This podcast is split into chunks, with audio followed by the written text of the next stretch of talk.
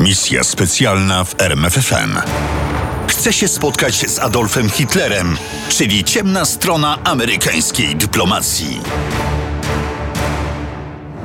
Nazywał się Joseph Patrick Kennedy.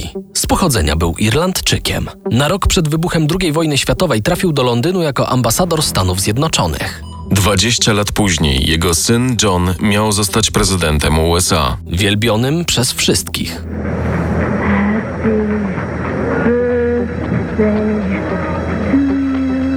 Legendarnym JFK. Ale prezydencki fotel marzył się również samemu Josephowi. Kennedy senior postanowił zrobić wszystko, aby zostać pierwszym katolickim prezydentem w Waszyngtonie.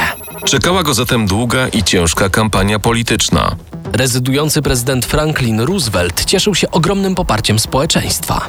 Kennedy jednak wiedział, jak pozbawić Roosevelta tego poparcia.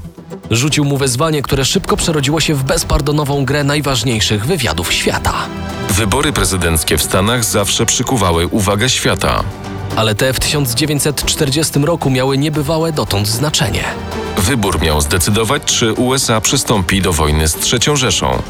Czy nadal biernie będą się przyglądać, jak ginie stary świat? Pacyfistyczne społeczeństwo amerykańskie ani myślało wysyłać swoich synów na odległą wojnę. Roosevelt wiedział o tych nastrojach i oficjalnie je popierał. Obiecywał wyborcom nadal trzymać kraj z dala od wichrów wojny. Kennedy tymczasem pokątnymi sposobami poznał prawdziwe zamiary prezydenta Roosevelta. W odpowiedniej chwili zamierzał je podać do publicznej wiadomości. Wiedział, że każda redakcja zapłaci za rewelacje dotyczące Roosevelta olbrzymie pieniądze. Wiedział też, że przekreślą one szanse urzędującego prezydenta na reelekcję. a wtedy wypłynie on, Kennedy, jako kandydat Partii Demokratycznej na urząd prezydencki. I wygra. Trzymał bowiem w rękawie asy, które miały mu przynieść poparcie Amerykanów. Kim więc był polityk, który tak rezolutnie pukał do drzwi Białego Domu? W 1938 roku Roosevelt wysłał go do Londynu na stanowisko ambasadora. To była ważna nominacja. Wielka Brytania była strategicznym partnerem USA w Europie. Kennedy wpadł w rytm arystokratycznego londyńskiego życia, które dość szybko przypadło mu do gustu. Gorzej było z reprezentowaniem interesów amerykańskich nad Tamizą. Kennedy ignorował instrukcje sekretarza stanu i prezydenta Roosevelta. Twierdził, że wie więcej o sytuacji w Europie niż ktokolwiek inny. Wobec tego sam zadecyduje o polityce amerykańskiej. Popierał Adolfa Hitlera. Uważał nazistowskie Niemcy za jedyną i skuteczną tarczę przed zagrożeniem agresją Związku Radzieckiego. Sądził, że obowiązkiem demokracji zachodnich jest wspieranie wodza III Rzeszy. Upadek demokracji i represje wobec społeczeństwa, w tym i mniejszości żydowskiej, nie miały dla niego większego znaczenia. Twierdził wręcz, że sami to na siebie sprowadzili. Zresztą Kennedy znany był z antysemityzmu, czego nie ukrywał podczas częstych rozmów z przedstawicielami nazistowskich Niemiec. W końcu zaczął domagać się spotkania z Adolfem Hitlerem.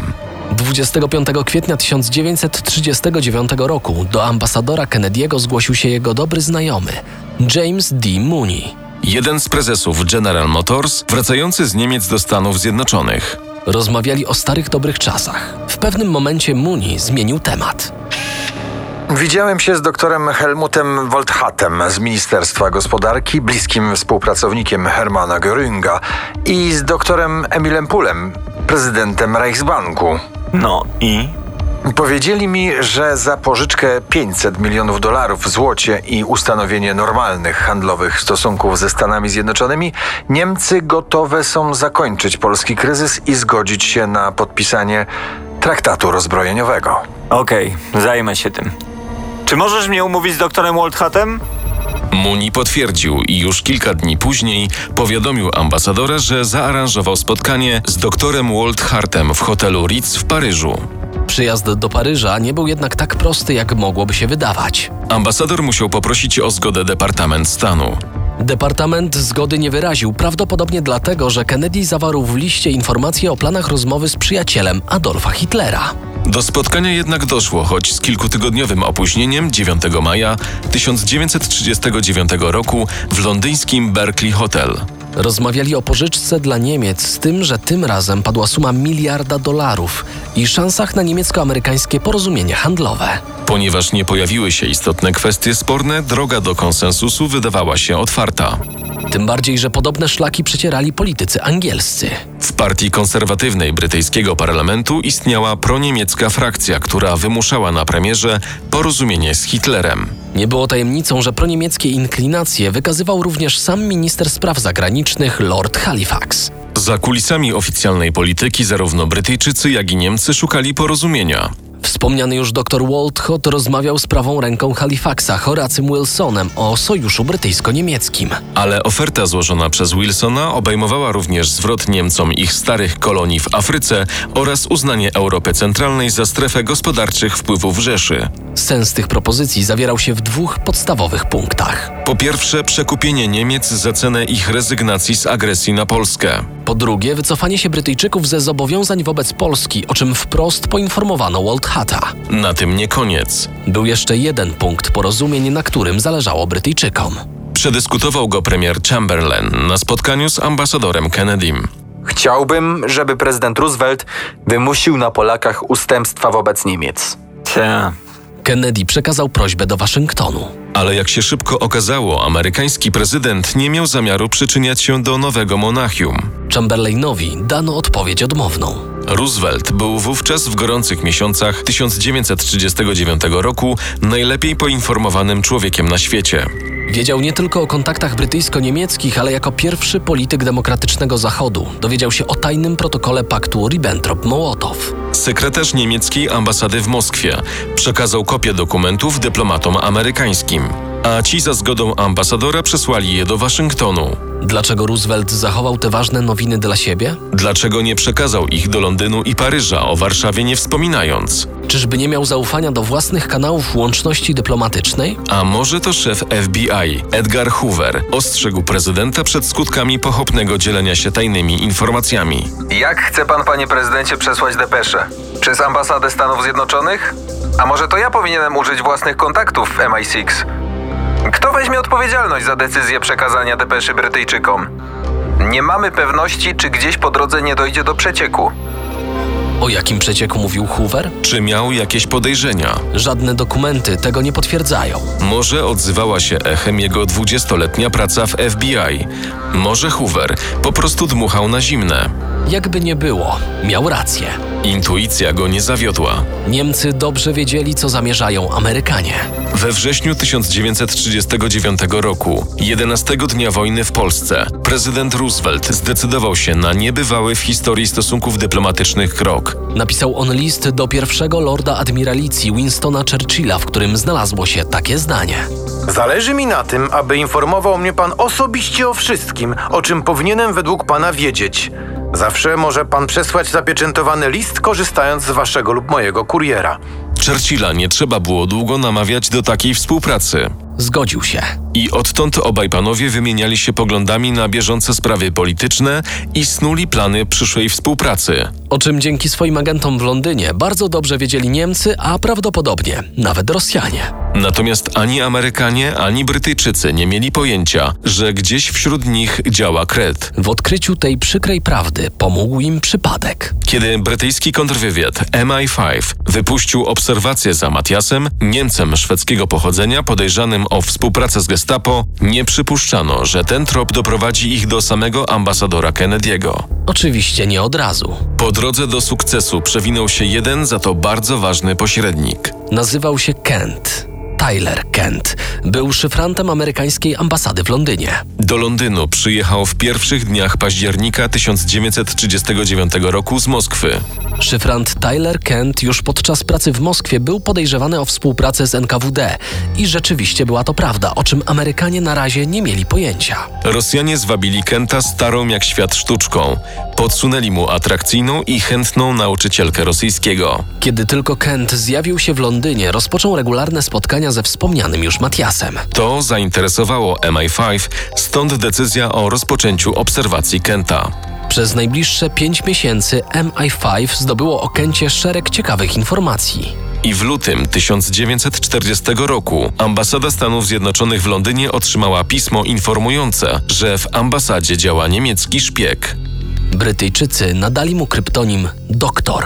MI5 ustaliła również, że raporty niemieckiego szpiega dotyczyły tylko ambasadora Josefa Kennedy'ego. Oczywiście Brytyjczycy nie poinformowali Amerykanów o wszystkich szczegółach. Zataili na przykład informacje o przecieku do Niemców tajnej korespondencji między Churchillem i Rooseveltem. Brytyjczycy podejrzewali przy tym, że ambasador Kennedy może posiadać ich kopię. Plany Roosevelta dotyczące włączenia USA do wojny mogły wziąć w łeb, gdyby tylko Kennedy zamierzał je opublikować. Należało temu zapobiec. Nie wszystko jest jeszcze zrozumiałe w tej historii. Akta Kennedy'ego w brytyjskich archiwach nadal są objęte klauzulą tajemnicy. Kto wie, być może istniał jeszcze drugi alternatywny kanał komunikacji między Churchillem i Rooseveltem. Może to nim prezydent poprosił Churchilla o pomoc, o wytrącenie niebezpiecznych atutów z rąk ambasadora, A może to sam Churchill, informowany przez kontrwywiad o postępach prowadzonych obserwacji i dochodzenia, postanowił działać. Przecież i w jego interesie było zwycięstwo Roosevelta w wyborach w 1940 roku i wejście amerykańskiego sojusznika do wojny. Potrzebowano dowodów. To nie było trudne, bowiem MI5 znało miejsce zamieszkania Tylera Kenta. Wielokrotnie już przeszukiwano jego mieszkanie pod nieobecność właściciela, dlatego nie uderzano w ciemno. Kiedy 20 maja 1940 roku policjanci Scotland Yardu stanęli przed domem przy Gloucester Place w Londynie, dokładnie wiedzieli gdzie i czego szukać. Żeby wejść do mieszkania, policjanci musieli wyważyć drzwi. Wewnątrz znaleźli mężczyznę około 30 lat w spodniach od piżamy. W pokoju obok na łóżku siedziała roznegliżowana kobieta. Jestem tu zupełnie przypadkowo. Przyszłam zaprosić pana Kenta na piknik. Kent pracujący w roli szyfranta miał oczywiście immunitet chroniący go przed niespodziewanymi wizytami natrętnych policjantów, czuł się więc pewnie i bezpiecznie. Zamierzał właśnie zaprotestować, kiedy wśród intruzów zauważył znajomą twarz Franklina Gowena, kolegi z ambasady. Gowen trzymał pieczę nad bezpieczeństwem amerykańskiej placówki i zatrudnionych w niej urzędników. Zanim Kent zdołał się odezwać, odezwał się Gowen. Ambasador cofnął ci immunitet. Oni mają prawo cię aresztować i przeszukać mieszkanie. Tyler, odpuść. Nie stawiaj oporu. Skuty kajdankami Kent biernie przyglądał się, jak policja zagląda do szuflad, szaf, gmyra w każdym zakamarku niewielkiego mieszkania. Kiedy wreszcie przeszukanie się zakończyło, oficer Scotland Yardu wynosił z mieszkania 1929 tajnych dokumentów. Brulion z nazwiskami osób obserwowanych przez brytyjski kontrwywiad i podrobione klucze do pokoju szyfrów ambasady Stanów Zjednoczonych. Tylera Kenta aresztowano na podstawie Official Secrets Act z 1920 roku. Jeszcze był spokojny. Jako Amerykanin spodziewał się odesłania do Stanów, a tam nie groziło mu nawet więzienie. Wieczorem, w dniu aresztowania, dowiedział się, że ambasador USA w Wielkiej Brytanii zgodził się oddać swojego urzędnika pod brytyjski sąd. Skąd tak niespotykana decyzja? Kennedy wiedział, że odesłanie Kenta do Stanów mogło się skończyć jawnym procesem. Kent zapewne zdradziłby wiele ciekawych szczegółów pronazistowskiej polityki ambasadora Kennedy'ego. To zaś zapewne przekreśliłoby jego karierę. O prezydenturze już nawet nie myślał. Nie tym razem. Atuty, którymi jeszcze pół roku wcześniej mógł straszyć Roosevelta, straciły wartość. Roosevelt był panem położenia, a on się bał. W dniu aresztowania Kenta wysłał do domu w Stanach dokumenty ze swojego prywatnego archiwum. Miał nadzieję, że nigdy nie trafią w ręce FBI. O dokumenty martwili się również Brytyjczycy. W dniu aresztowania Kenta premierem Wielkiej Brytanii był już Winston Churchill. Relacje z Rooseveltem nabrały nowego, konkretniejszego wymiaru. Dla Churchilla i jego ministrów nie było tajemnicą, że Roosevelt szuka sposobu na obejście ustaw o neutralności. Wiedzieli jednak również, że Roosevelt nie chciał działać wbrew decyzjom kongresu i opinii publicznej. W tym kontekście łatwo zrozumieć, że przeciek do prasy mógłby zaszkodzić prezydentowi wygrać wybory. Byłaby to ogromna strata dla Brytyjczyków i szczupłego w 1940 roku obozu aliantów. Kennedy bał się Roosevelta, a jednocześnie Roosevelt bał się Kennedy'ego. Prezydent miał jednak szersze pole manewru i je wykorzystał. Zaprosił ambasadora na obiad. Kennedy nie mógł odmówić. Podczas spotkania, delikatnie, ale stanowczo, Roosevelt poinformował kolegę z Partii Demokratycznej, co wie o jego kontaktach z Trzecią Rzeszą. Całą tę przykrą w gruncie rzeczy dyskusję skończył tak. Obiecaj mi, że nie piszniesz nawet słówka o moich zamiarach wmanewrowania Ameryki w wojnę, a ja obiecam, że nie zdradzę twojej słabości do Rzeszy. No Joe, musisz się zgodzić. Wiesz, że nie masz wyjścia. Joe Kennedy wiedział. Nigdy już nie ubiegał się o fotel prezydenta. Na tym polu był skończony. Te szanse wykorzystał dopiero jego syn. Tylera Kenta skazano na 7 lat więzienia. Czy to on był doktorem? Można się domyślać, że tak. Ale tylko domyślać, bo brytyjskie archiwa wciąż są dla świata zamknięte. Misja specjalna w RMFFM. Na tropie największych tajemnic historii.